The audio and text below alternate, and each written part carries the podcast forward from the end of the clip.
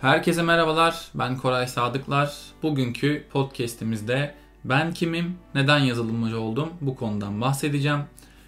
Şimdi kısaca bahsetmek gerekirse aslında küçükten beri bilgisayarlara bir merakım vardı. Yani neden merakım vardı bunu ben de gerçekten bilmiyorum. Aslında yani hayalimizdeki meslek küçükten beri etrafımızda ilk gördüğümüz ve hoşumuza giden şeylerden yola çıkarak e, ya da edindiğimiz tecrübelerden başlıyor diyebilirim. Ben en azından öyle inanıyorum. İlk başta pilot olmak istiyordum. İşte uçaklara bir ilgim vardı ki hala uçakları severim. Daha sonrasında her boş bulduğum arsaya bina yapmak istiyordum. İşte soranlara ben şuraya ev yapacağım diyordum büyüyünce. Ortaokul çağlarımda da işte bilgisayara merakım olmaya başladı ki bizim zamanımızda öyle çok fazla bilgisayar yoktu. Sadece 4. sınıftan ortaokula kadar atölyelerimiz vardı. İşte bir bilgisayara iki kişi falan oturuyorduk. İşte Paint'te bir şeyler yapıyorduk. Ee, daha sonrasında işte bilgisayarlara karşı bilgim oluşmaya başladı.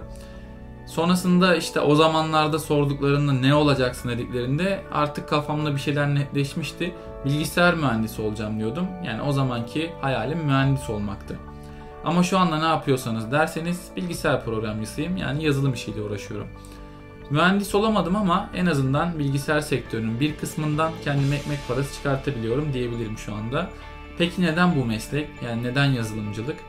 Meraklı bir çocuktum. Hala meraklıyım. Büyümem bir şey değiştirmedi. Yani şu anda 28 yaşında bir bireyim. Bundan herhalde bir 20 sene sonra da hala meraklı bir insan olacağım. Keşfetmeyi seven e, bir insan olacağım. E, bu yüzden yenilenebilir bir sektör olduğu için yani sürekli yenilenen, kendini yenileyebilir, gelişmeler olan bir sektör olduğu için muhtemelen kendimde bir şeyler bağlaştırdığım için bu sektörü seçtim. Ee, daha sonra anılarıma devam edecek olursak ortaokulda karar verdiğim bu meslek için çalışmaya başladım. Meslek lisesine geçmiştim direkt. Ee, hayata atılmanın en kolay yoluydu aslında bu benim için. Ee, çünkü düz lise istemiyordum. Bir meslek öğrenmek benim için bir artı olacak diye düşünüyordum. Kendimi çok çalışkan adletmedim. Yani zeki bir insan olduğumu düşünüyorum. Daha doğrusu pratik zekalı bir insan olduğumu düşünüyorum. Öyle deha falan değilim yani. Ee, bunun ışığında kendimi bu mesleğe daha yakın gördüm ve meslek lisesine geçmeyi uygun gördüm. Ailemle de tabii ki çatışmalar yaşadım bu konuda. Hani işte neden Anadolu Lisesi süper liseye gitmiyorsun diye ki bizim zamanımızda süper liseler çok meşhurdu. Ben direkt daha çok hayata biraz daha erken atılmayı planladığım için meslek lisesine gitmeye e, uygun gördüm. E, burada hayata erken atılmaktan kasıt erken meslek edinmek aslında. Üniversitede hakikaten e, meslek e, lisesine gitmenin faydasını görmüştüm. Çünkü 1-0 önde başlıyorsunuz orada. E, bir düz liseye giden ya da işte süper liseye giden insanlardan e, 1-0 önde başlıyorsunuz. Hatta şöyle bir anım var ondan bahsedeyim sizlere. E, işte üniversiteye kayıt oldum. Ek yerleştirmelerden gitmiştim. E, hoca algoritma konusuna geçmiş. Sınıf 55 kişi benim daha ilk dersim. Daha kimseyi tanımıyorum. Sınıfta işte girdim bir yere oturdum böyle. E, algoritma konusunu anlatacak hoca. Ben bu arada lisedeyken web tasarım ve programlama okumuştum. Teknik ise e, okumuştum yani web yazılım. Neyse hoca anlattığı şeylerden bahsetti. Değişken tanımlama vesaire. C görüyorduk biz o zamanlar e, üniversitedeyken. E, işte koşullardan, döngülerden bahsetti. Kısaca sanırım e, dersin ortalarında falan böyle bir ufak bir programcık istedi anlattığı şeylerden. Tabi C'den de ufak bir bahsetmişti işte e, az önce konuştuk bunları. Daha sonrasında e, dedi ki işte şunu yazacaksınız bitiren çıkar dedi. Programı yazmam 3 dakika falan sürmüştü herhalde. Hocam bitirdim dedim. 54 kişi bana bakıyordu burada. Çok az duyduğum bir olaydı. Hocaya gösterdim tamam çıkabilirsin dedi. E, montumu aldım. İşte kapıya doğru yöneldim. E, bu aslında benim için büyük bir başarıydı e, o zaman için. Neden derseniz e, hocalar zaten direkt kafasına yazıyor orada sizi. Öğrencilerin gözünde de şöyle bir şey vardı. Ya arkadaş ne oluyor daha yeni geldin hayırdır 2 dakika oldu. Ne yaptın nasıl yaptın insan mısın diye bile bakanlar vardı.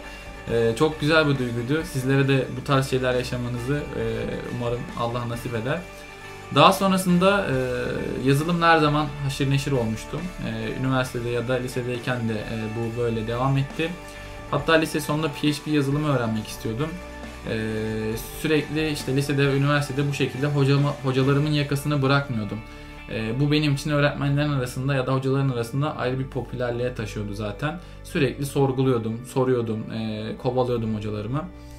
E, o konuda da yani şöyle oluyor. Anahtar bir öğrenci oluyorsunuz. Joker öğrenci gibisiniz. Yani okulda bir bilinirliğiniz oluyor. E, işte sınıfta artı bir puanınız oluyor. Yani tabii hani not olarak düşünmeyin bunu işte biliniyorsunuz yani işte şu öğrenci yapar, e, bu yapabilir, bu başarabilir diye e, sizlerle iletişimi biraz daha farklı oluyor hocaların. E, sizlere de tavsiye ederim bu şekilde davranmanızı. Yani bu konuda biraz girişimci olmuştum. Yani girişimcilik sadece iş yapma konusunda değil, her konuda girişken olmak bir alt sağlıyor insanlara. Ben bunun faydasını lisede daha keşfetmiştim. Lisede görmeye başladım. Hatta ondan öncesinde çok çekingen bir insandım. Daha sonra bunu keşfettikten sonra biraz daha açılarak girişken bir insan olmaya karar vermiştim. Sorgulamaya başladığımda da e, hocalarımın peşinde koşmaya başladım dediğim gibi.